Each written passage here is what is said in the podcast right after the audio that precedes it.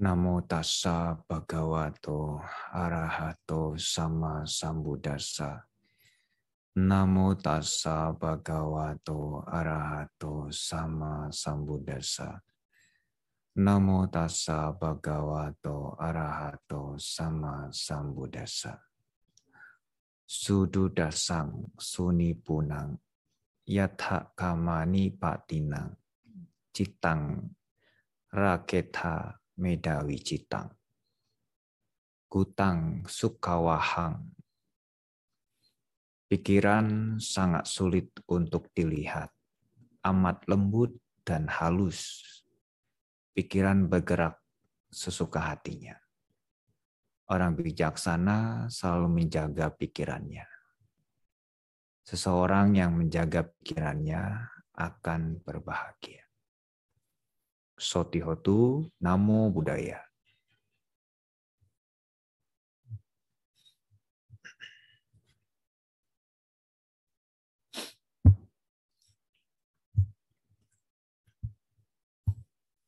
Ya, Bapak Ibu, eh, saudara-saudara yang berbahagia, pada kesempatan pagi ini ya, kesempatan yang sangat baik ya, masih bisa digunakan untuk belajar mendengarkan dhamma. Saya harap yang tidak membuka video tidak bangkit dari duduknya. Ya, saya modal percaya saja seperti orang mau jualan. Saya percayalah sama Bapak, pasti Bapak bayar nanti sama saya. Berapapun cuan bolehlah. Sama seperti Anda yang tutup video, harusnya sih wajib dibuka. Tapi karena ini, eh, saya ceramah di balik tembok kalau begitu. ya, karena tidak melihat ya atau ini siaran radio. Ya, kalau siaran radio tidak perlu tatap muka. Tapi rasanya di sini malu rasanya. Ya. Tidak masalah nanti gara-gara bahas video hilang satu-satu, hilang keluar keluar keluar keluar. Ya. Justru percaya diri itu ya. Percaya diri ini membuat orang lebih maju. Tampil tampil ini membuat orang lebih maju. Menunjukkan apa adanya itu juga orang yang ingin maju. Ya, memberikan, menyuguhkan yang baik itu orang yang maju. Bukan berarti yang tutup video tidak maju ya. Gitu. Ini saya hanya mengajak saja, ya, mengajak mari bersemangat, begitu ya. Jangan sedih-sedihan, itu sudah berlalu. Ya, sudah berlalu. Bapak Ibu dan saudara-saudara, tentu kita sungguh apa ya? Kita ini harusnya sangat-sangat sangat-sangat berbahagia sebenarnya ketika kita ini memiliki keyakinan ya, memiliki keyakinan khususnya tentang ajaran Buddha. Ajaran Buddha ini sangat-sangat luas sekali. Mau sembahyang bisa, mau dewa-dewa bisa. Ya, mau meminta memohon silahkan, dikasih enggaknya terserah. Ya kan? Begitu. Jadi bebas, bebas-bebas saja. Ya. Ini hidung saya gatal ini. Maaf ya. ya. Nah, Bapak Ibu dan Saudara, tadi saya membacakan kutipan apa yang dikatakan oleh Sang Buddha. Ya, lalu saya mengulanginya. Pikiran ini sangat halus, ya, bergerak sesuka hati. Ya, Sang Buddha mengatakan di akhirnya, orang yang bijaksana ya selalu mengendalikan. Dengan demikian kebahagiaannya muncul. Nah, bicara mengenai kok mengapa Bante eh, pikiran itu bisa beracun. Ya. Tahu ya racun itu kalau kalau yang umumnya apa racun? Ya, mematikan, melumpuhkan, merusak, membuat penyakit. Ya, intinya itu membuat menderita. Ya, racun itu bukan hanya membuat menderita, racun kita kenal ya kayak mungkin racun tikus, racun apa. Itu itu juga sangat mematikan. Tetapi ini mematikannya hanya di kehidupan ini. Tapi kalau pikiran yang beracun, ya ini bukan hanya meracuni dirinya sendiri. Ini bisa meracuni yang di luar. Ya, pikiran ini bisa beracun, bisa membahayakan. Sang Buddha pernah mengatakan tidak ada yang jauh lebih berbahaya daripada pikiran.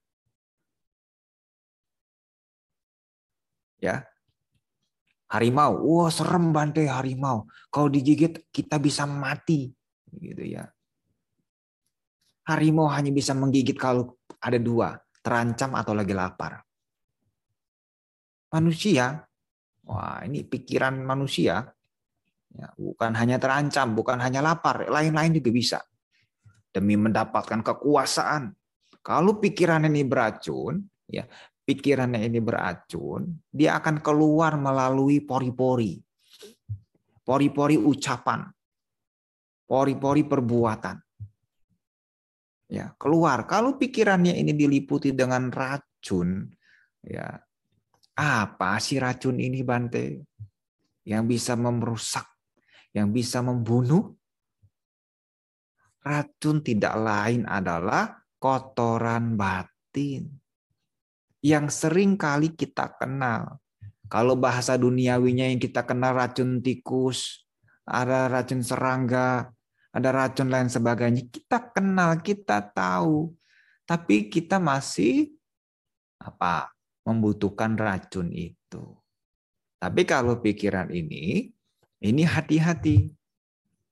Ya, karena pikiran-pikiran yang beracun ini, ya pikiran-pikiran yang dicengkeram oleh kotoran batin, ya ini bisa menghancurkan bukan hanya masa depannya juga bisa orang lain. Ya, ini ini sangat bahaya sekali. Jadi tidak ada yang jauh lebih berbahaya daripada pikiran. Lalu dilanjutkan lagi. Tidak ada yang jauh lebih bermanfaat dimulai dari pikiran. Ya kan? Da, pikiran adalah pembentuk, pelopor, pemimpin. Itu sudah sudah sudah terbukti kalau pikiran ini sebagai pemimpin, sebagai pembentuk. Betul tidak? Sebagai pembentuk, saya kasih contoh yang sangat nyata. Ya.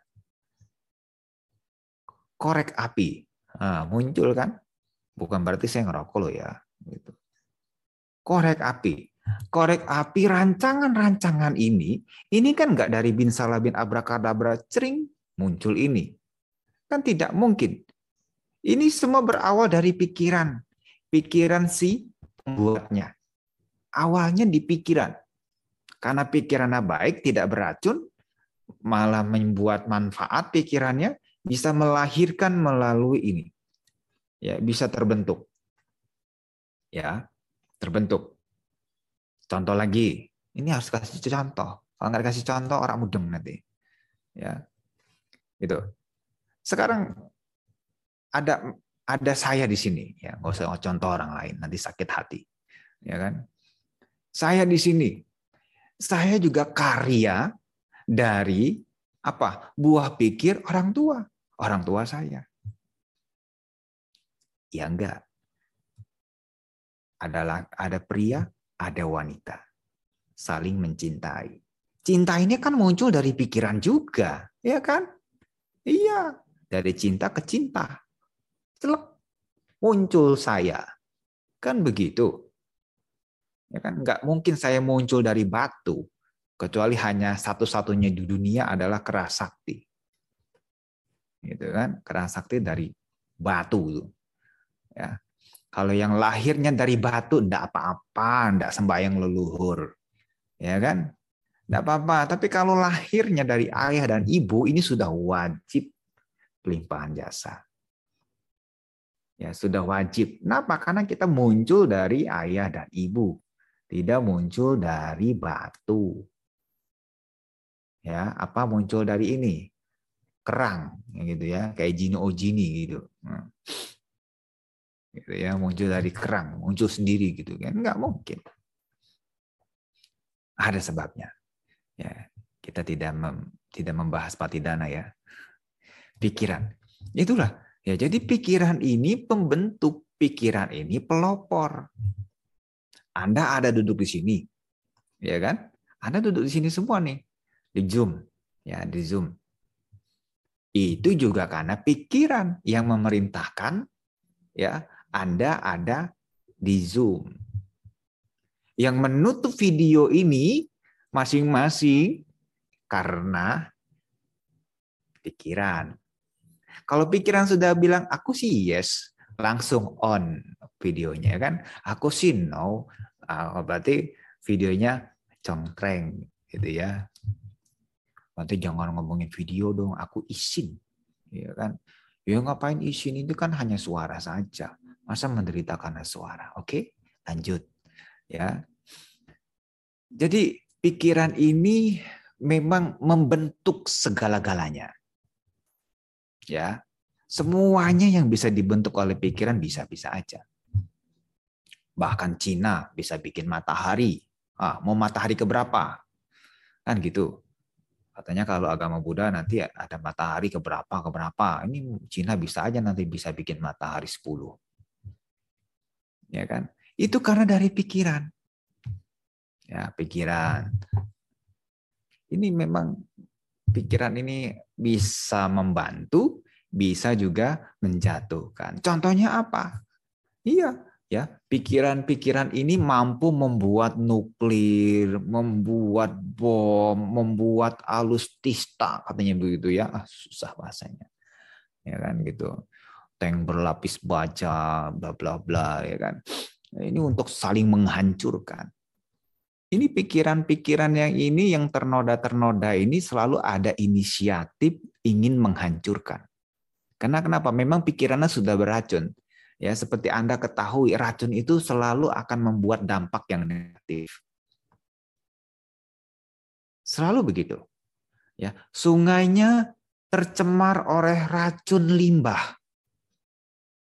Ikan pada mati. Nah, begitu. Oh, satu di desa itu ya, ada yang namanya ini loh, ada yang namanya belalang gitu kan. Nah, belalang ini suka bikin masalah ini sekampung ini. Ah, jadi racun-racunnya sudah mulai menyebar. Nah, ini berawal dari pikiran, ya. Pikiran itu bisa bisa apa saja, ya, bisa apa saja. Ya makanya ini resikonya adalah bisa beracun juga. Ya, kalau Anda sulit tidur, nah berarti Anda sedang diracuni pikiran.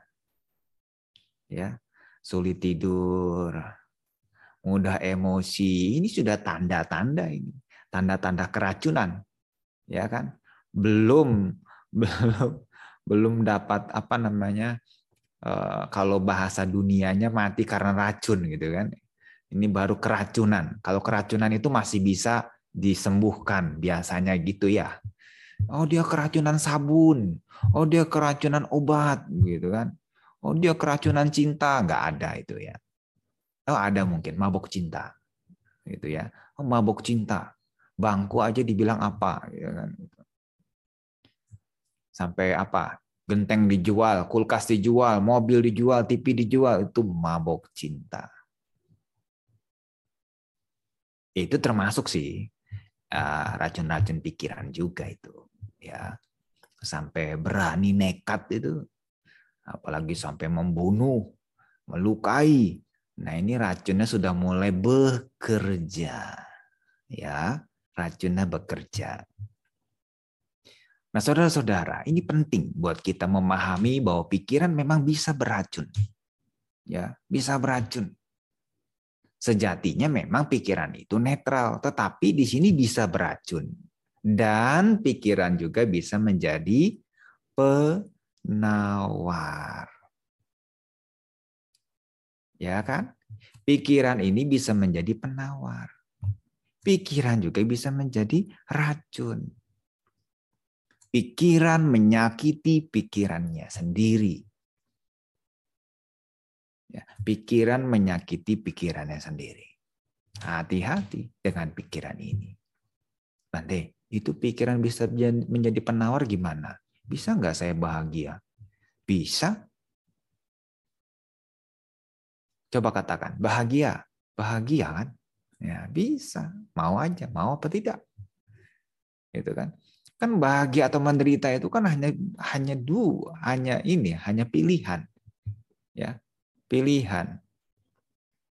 Mau atau tidak?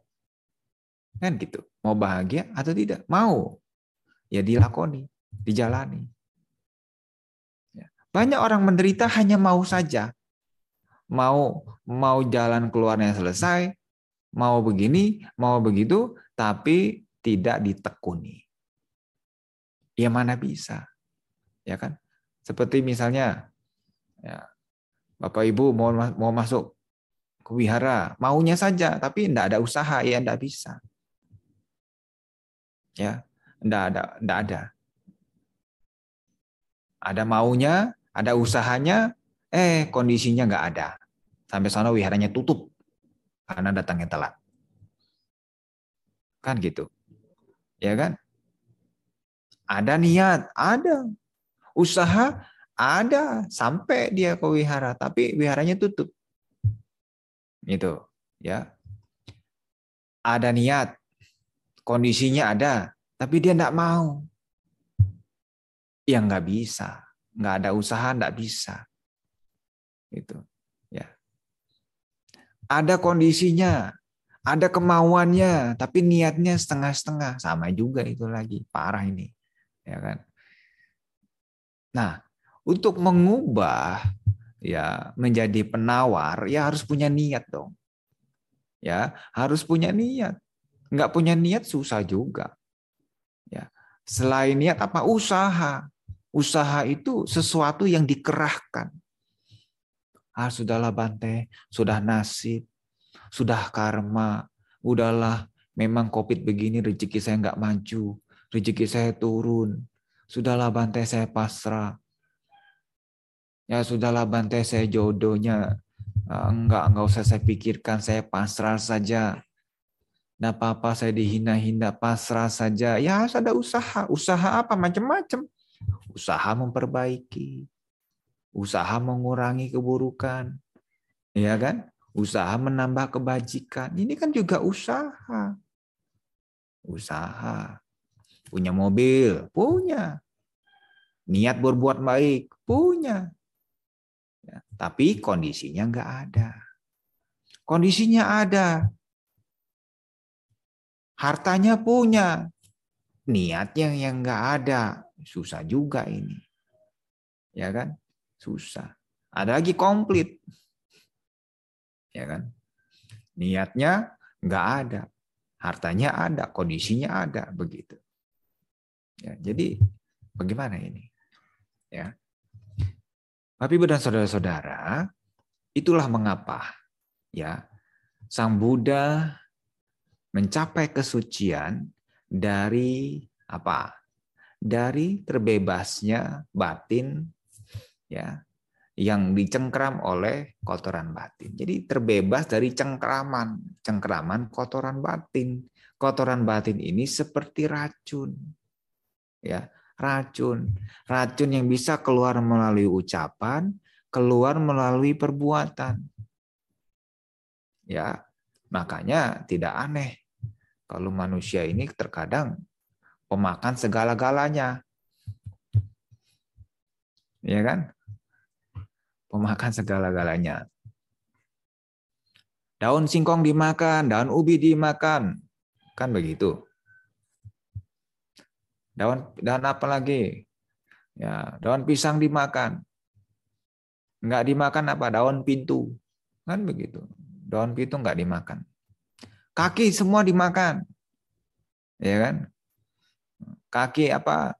Segala macam ada itu. Kaki sapi. Ya. Kaki kambing. Sampai buntut juga dimakan. Nah, coba itu. Ya, yang nggak dimakan kaki meja. Hmm, gitu. Ya, kaki meja. Ya, harimau itu masih suka disisain kalau makan. Ya kan, tulangnya disisain. Ya, kalau manusia di presto. Ya kan. Tulang ah, tulang-tulang itu di presto kalau bisa semua masuk ya. Sungguh menyeramkan. Ya, sungguh menyeramkan. Apalagi belum lagi kita mendengar berita-berita ya manusia dimutilasi. Ya bukan hanya ayam, bukan hanya makhluk lain, manusia juga dimutilasi. Ah, ini pikiran yang sudah beracun. Ya, ini bahaya, bahaya, bahaya, bahaya. Bagaimana penawarnya Bante? Penawarnya dari pikiran juga. Ya, penawarnya dari pikiran juga. Ini bahaya. Ya, bahaya sekali. Pikiran ini kalau dibiarkan bahaya sekali. Ya, jangankan makhluk, benda yang tidak bergerak juga dijahatin oleh pikiran yang beracun. Barang siapa diambil. Barang nggak salah apa-apa ditendang. Pintu nggak salah apa-apa dibuka, ya, dirusak. Ya kan gitu. Pintu nggak ke mana-mana dari tahun ke tahun cuma di situ aja, tapi diomelin pintunya itu. Ya kan? Inilah pikiran. Pikiran yang beracun ini suka membabi buta. Ya kan? Gunung lagi diem-diem dibilang apalah. Ini gunung ini ada setannya ini. Kalau masuk situ pasti begini. Kalau masuk situ pasti begini gitu kan. Lah gunung lagi diem-diem di situ dari zaman dulu terbentuknya bumi begitu-gitu aja. Nah inilah pikiran ini suka membabi buta, suka menyalah-nyalahkan. Ini dia sedang ber, sedang teracuni ya sedang teracuni oleh pikirannya ini. Pikiran ini memang mantap. Racun. Bisa membuat racun karena pikirannya beracun. Kalau pikiran tidak beracun, dia nggak bisa buat racun. Ya kan? Kalau pikirannya tidak beracun, dia juga sulit untuk untuk untuk melukai orang lain dengan ucapannya, dengan perbuatannya. Itu ya. Hati-hati dengan pikiran ini. Pikiran juga bisa mendatangkan cuan. Nah, ya kan ini tadi ngomongin buruk-buruk terus. Ya kan? Cuan juga bisa. Ya, manika manika manika manika manika manika. Ya, ini kan pikiran juga toh. Manika manika manika manika. Bukan menikam ya. uang datang, uang datang, uang datang, uang datang. Ya nggak apa-apa dong namanya perumah tangga begitu. Ya nggak, kan jualan toh. Masa oh, uang jauh, uang jauh, uang jauh, uang jauh. Nggak mungkin kan uang jauh, uang jauh. ya kan? Uang datang, uang datang. Ini masih mending lah pikiran-pikiran yang itu juga pikiran yang positif dalam hal duniawi ya. Begitu. Itu juga diawali dengan pikiran. Toko lagi sepi, nggak usah pesimis yang enggak usah pesimis. Kalau pesimis sedang sakit, ya pikirannya sedang sakit. Orang-orang pesimis ini orang yang sakit, pikirannya sakit, gitu ya. Orang yang sedih juga sama, itu sakit. Ya sedih, itu sakit. Ya. Entah karena sedih kehilangan, entah sedih karena apa, ya sedih karena sakit, ya kan gitu. Jadi ini pikiran macam-macam bisa jadi penawar. Ya, pernah ada dilus-lus ya sama orang tua, "Nah, kamu yang sabar ya." Nah, ini pikiran bisa membuat penawar bagi orang lain juga. Ya, "Nah, kamu hati-hati ya. Kalau sekolah kamu belajar gini-gini." Ini dari pikiran. Ya, pikiran bisa menjadi penawar. Penawar kesedihan bagi orang lain. Ya. Jangan menjadi racun untuk orang lain. Kan pikiran tuh sulit dilihat. hanya bisa diraba dari ucapan sama perbuatan. Ya, orang diem, senyum-senyum, nggak taunya sinis kan gitu. Hm, sudah kuduga, gitu kan, muka-muka sinis gitu. Ya, itu itu sedang beracun. Ya, ciri-ciri orang sedang keracunan pikiran tuh nggak tenang, gelisah, ya, galau, tidak tentram, mudah emosi, mudah marah, mudah benci, mudah sakit hati, ya kan? Itu sedang keracunan. Ya, keracunan oleh pikirannya sendiri, bukan dari luar. Ya, bukan dari luar. Tidak ada yang salah dengan nasi uduk, tidak ada yang salah dengan bakso, tidak ada yang salah dengan mobil Mercy. Semua yang di luar itu netral. Ya, yang tidak netral itu pikirannya yang sedang beracun, gampang dibutakan. Jadi mata kita ini gampang dibutakan. Ya, orang itu baik tetap dianggap salah. Orang itu salah tetap dianggap baik. Ya, ini tidak bisa. Jadi batinnya ini tidak jernih, ya, tidak jernih. Ya, pikiran-pikiran yang yang sakit ini tidak jernih. Ya, pernah sakit ya? Kalau demam, panas tinggi, sakit gigi, itu pasti pikirannya mengembara tuh. Ya, apalagi sakitnya parah, oh jangan-jangan saya mati dah ini, mati dah ini. Aduh, mati dah ini, gitu kan. Nah, itu pikiran-pikiran yang buruk itu. Ya, pikiran-pikiran yang buruk akan memperburuk penyakitnya. Begitu ya. Nah, bagaimana Bante cara kita memunculkan pikiran supaya menjadi penawarnya? Ya. Rajin-rajinlah Bapak Ibu untuk latihan bermeditasi.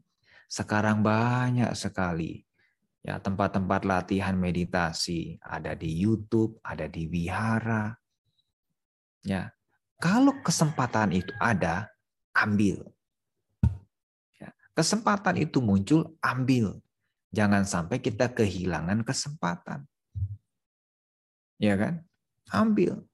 Ikuti. Ini salah satu sedang memperkokoh batin agar batinnya ini bisa menjadi penawar. Penawar untuk diri sendiri, juga penawar untuk duka lara orang lain. Kalau kita lagi sedih, sadari, oh ya, tidak kekal. Semangat lagi. Tapi kalau misalnya pikiran ini ya beracun, ya sudah. Yang ada apa? Yang ada menyalahkan diri sendiri, menyudutkan diri sendiri, apalagi pesimis, udah terus-terusan seperti itu, menyalahkan menyalahkan diri sendiri. Ya, tapi kalau pikiran ini menjadi penawar ketika lagi sedih, ketika lagi galau, dia mudah bangkit. Ya, mudah bangkit. Tidak mudah terpuruk. Ya, semua orang juga sama. Mengalami suka duka atau lebih banyak dukanya semua orang mengalaminya. Ya, karena semua orang mengalaminya, ya bisa apa seperti ibarat roda, ya bisa di bawah, bisa di atas, ah, bisa di bawah, bisa di atas. Ya, begitu. Berputar, tidak ada yang abadi. Ya, kalau kita sedang menderita sadari oh saya sedang menderita. Ya, supaya apa? Supaya kita menjadi ah, menjadikan pikiran ini sebagai penawar supaya kita tidak larut di dalam penderitaan atau musibah yang datang. Ya, musibah yang datang. Itulah yang perlu kita pahami ya. Yang pertama, pikiran ini bisa beracun. Dan racun ini bisa membahayakan bagi kehidupan kita saat ini maupun kehidupan kita selanjutnya. Karena pikiran ini terus berproses. Hanya tubuh ini yang sebatas kehidupan ini saja. Tapi kalau pikiran ini terus berproses. Kalau pikirannya penuh dengan noda atau penuh dengan noda racun, maka itu akan terus berlanjut. Nanti kalau jadi binatang, binatangnya binatang jahat. Ya kan? Kalau jadi dewa, dewanya dewa yang usil. Ya kan? Kalau dalam agama Buddha kan ada dewa-dewa yang usil kan. Itu. Dewa-dewa yang tingkat tinggi lain lagi ya lain lagi itu cool, bawaannya cool gitu ya. Cool, berwibawa gitu. Ya itu sesuai dengan dengan pikirannya sendiri. Ya, pikirannya sendiri. Kalau jadi hantu, jadi peta. Nah, ini petanya peta usil. Sukanya perang sama bangsa yang lain, bangsa jin katanya gitu ya. Perang. Ya karena memang batinnya masih belum berubah jadi di kehidupan ini, di kehidupan manusia ini, kita masih banyak kesempatan untuk merubah diri, yaitu pikiran. Kita masih bisa, tidak ada kata terlambat. Kita masih bisa mengubah sifat-sifat kita yang buruk. Kita masih bisa mengubah sifat-sifat kita yang pemarah. Kita masih bisa mengubah sifat-sifat kita yang tidak sabar. Bisa semuanya. Asalkan mau ada usahanya, ada kondisinya. Bisa. Jangan menyerah. Kita belum tentu nanti lahir lagi menjadi manusia yang kenal dengan ajaran Dharma. Belum tentu. Kenapa Bante kok yakin sekali belum tentu? Iya. Siapa di sini yang suka meditasi? Dengan penuh keyakinan terhadap Sang Buddha pagi dan malam setiap hari sepanjang hidup. Nah, itu dulu sama sila. Bertekad setiap pagi, bertekad memperbaharui sila, bertekad lagi, bertekad lagi. Itu dulu siapa yang suka begitu. Berarti ini bisa ketemu lagi dengan ajaran Buddha. Ya kalau kewiharanya masih diingetin, dibrokesin, baru datang, ya itu susah ini. Ya keyakinannya masih keyakinan uh, angin-anginan gitu. Ya angin-anginan. Ya nggak apa-apa kan Bante. Yang penting kan berbuat baik. Hmm ini lain ya. Berbuat baik ya. Tapi ini berkeyakinan terhadap budanya ini ya begitu kan sang Buddha sudah mengatakan kalau ingin bertemu lagi ya keyakinannya harus kuat Ya, keyakinannya harus kuat. Keyakinan terhadap Buddha. Apa sih yang diyakini dari Buddha? Dharma. Ya, Dharma suka. Nah, ya kan?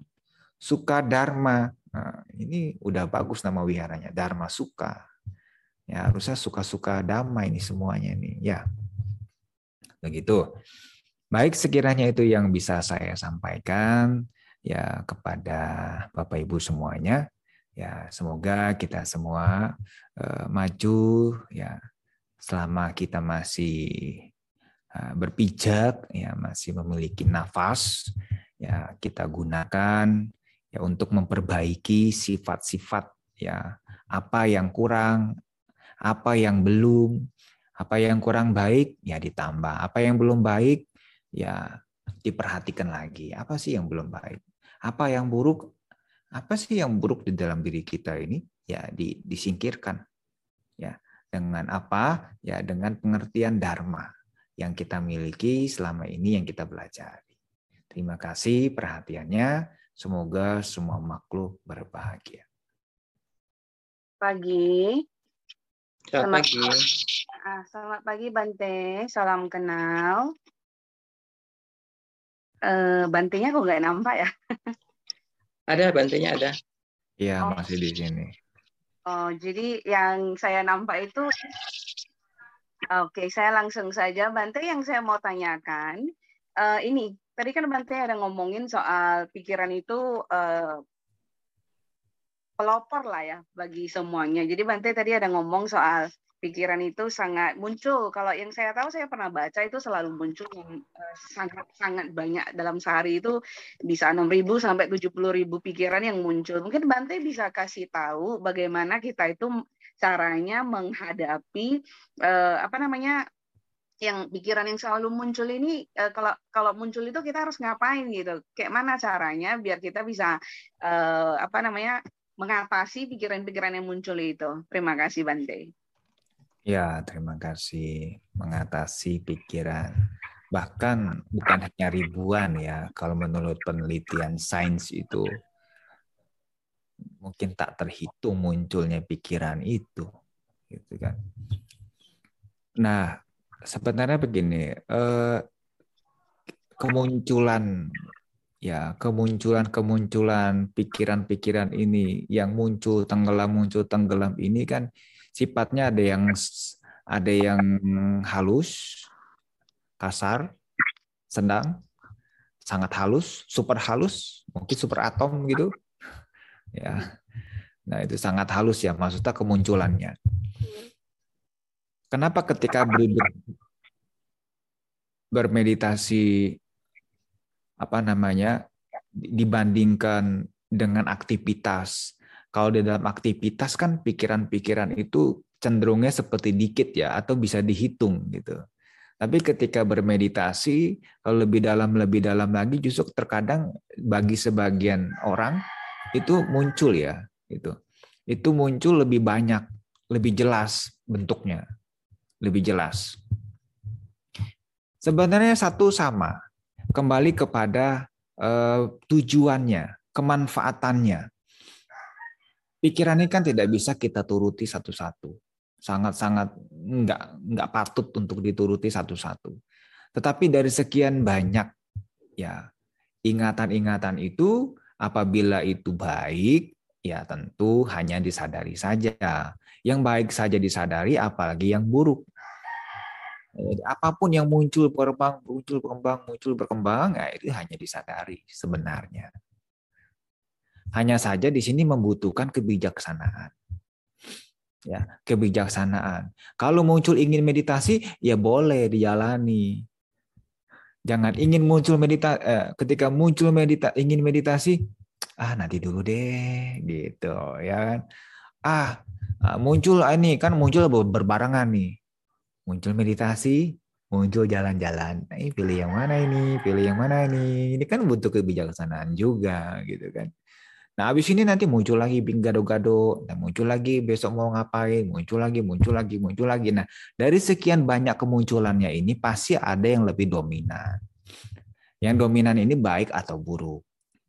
Kalau buruk, tetap itu disadari saja. Kalau itu baik, yang lebih dominan, diikuti gitu. Jadi tetap pakai kebijaksanaannya masing-masing. Jadi kebijaksanaan ini dia mampu memilih mana yang bermanfaat, mana yang tidak. Ya, tidak semua pikiran itu membawa manfaat. Malah bikin pusing. Ya, enggak bisa tidur lagi. Kan gitu. Enggak bisa kerja lagi. Enggak bisa buka toko lagi. Nah, ya kan?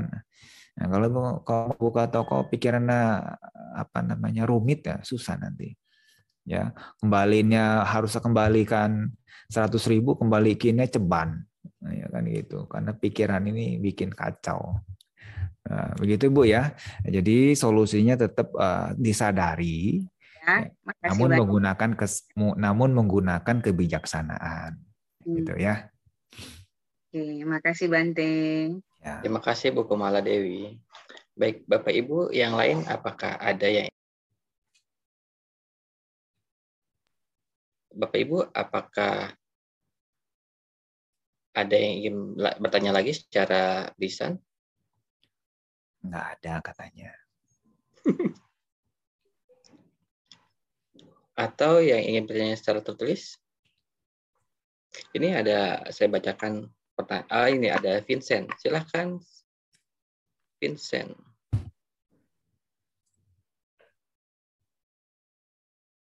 Silahkan, Vincent.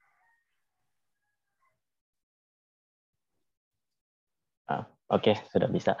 Ya, uh, selamat pagi Bante, Wandami, Sakyatu Namo Budaya. Hmm. Izin hmm. bertanya Bante, uh, jadi istilahnya ada orang yang uh, memiliki pikiran yang teracuni, tetapi tidak menyadari bahwa pikirannya sedang teracuni. Jadi kan memang itu uh, yang paling efektif kan kita menyadarinya gitu kan. Uh, dan salah satu alternatif paling tepat adalah dengan cara bermeditasi Bante. Uh, hanya saja ada uh, orang kan pengalaman meditasinya berbeda-beda Bante.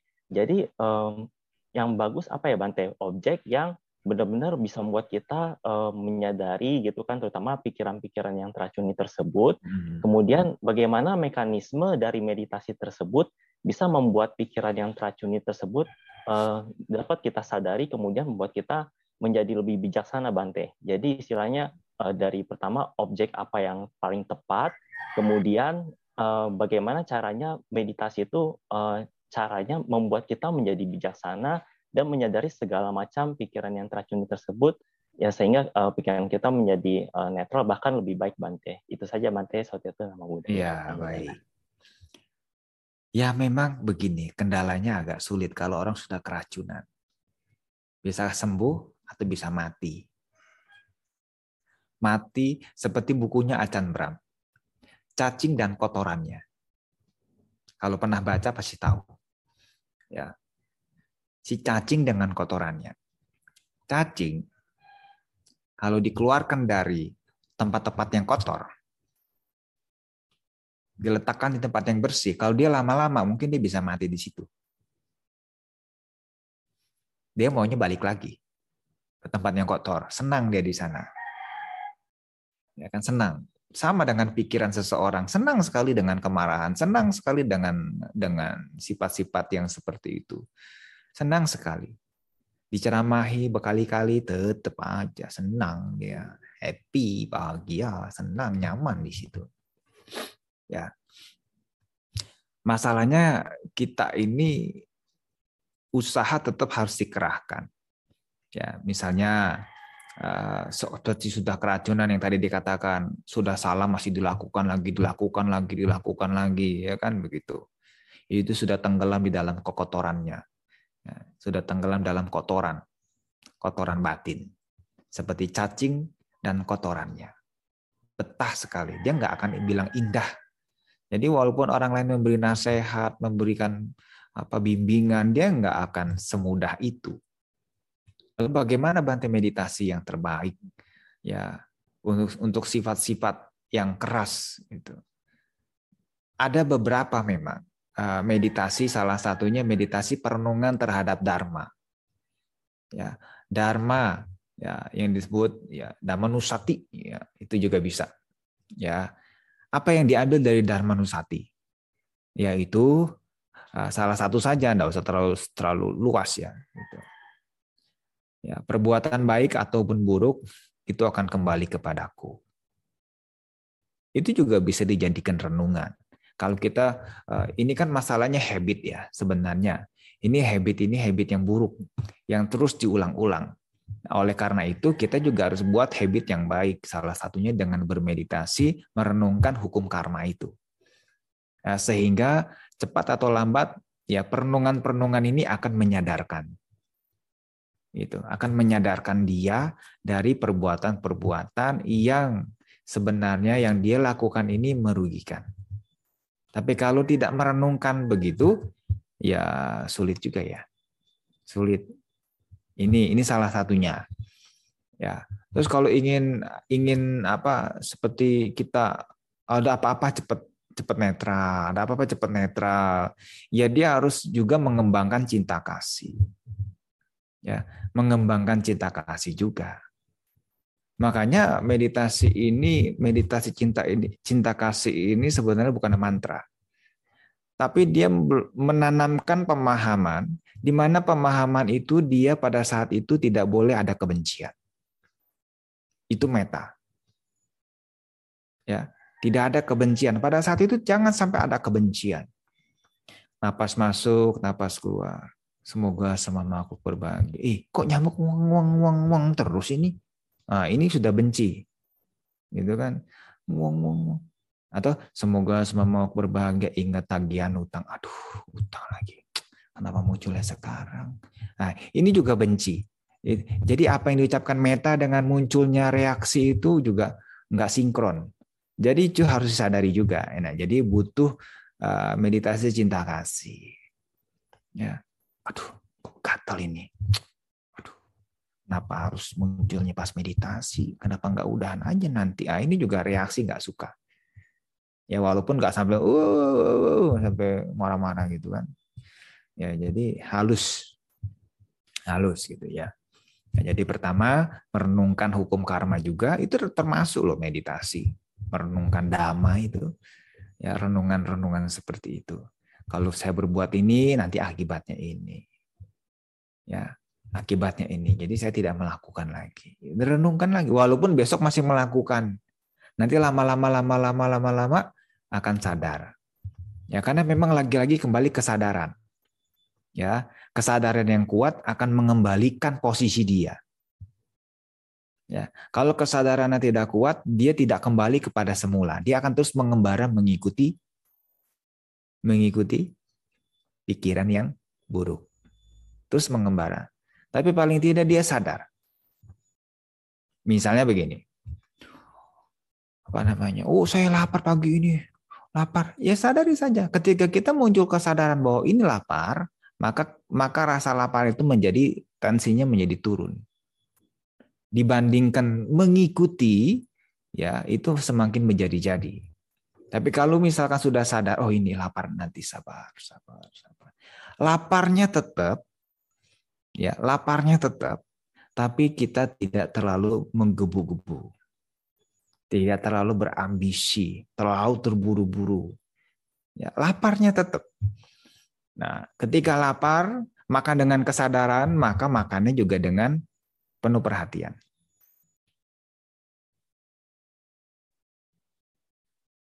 Kan gitu. Tapi kalau makannya itu dengan nafsu, ya tidak dengan kesadaran yang jernih, maka yang terjadi apa? Ya, kesadaran ini bersekutu dengan kebencian, dengan keserakahan. Wah, gak bisa. Pokoknya tadi kan saya sudah nahan lapar. Pokoknya sekarang makan yang banyak. Nah, nanti akhirnya apa? Perutnya sakit. Gitu. Ya, makannya tanpa perhatian. Ya, makannya justru kesadarannya didorong oleh keserakahan. Begitu ya. Nah, jadi meditasinya bisa merenungkan hukum karma. Eh, kedua, bisa juga meditasi cinta kasih. Dan ketiga, bisa juga anapanasati pernapasan. Itu juga bisa. Ya. Begitu ya. Terima kasih. Terima kasih Bante Anumodana. Silakan Bapak Ibu yang ingin bertanya Uh, apakah ada lagi yang ingin bertanya, baik secara lisan maupun tertulis?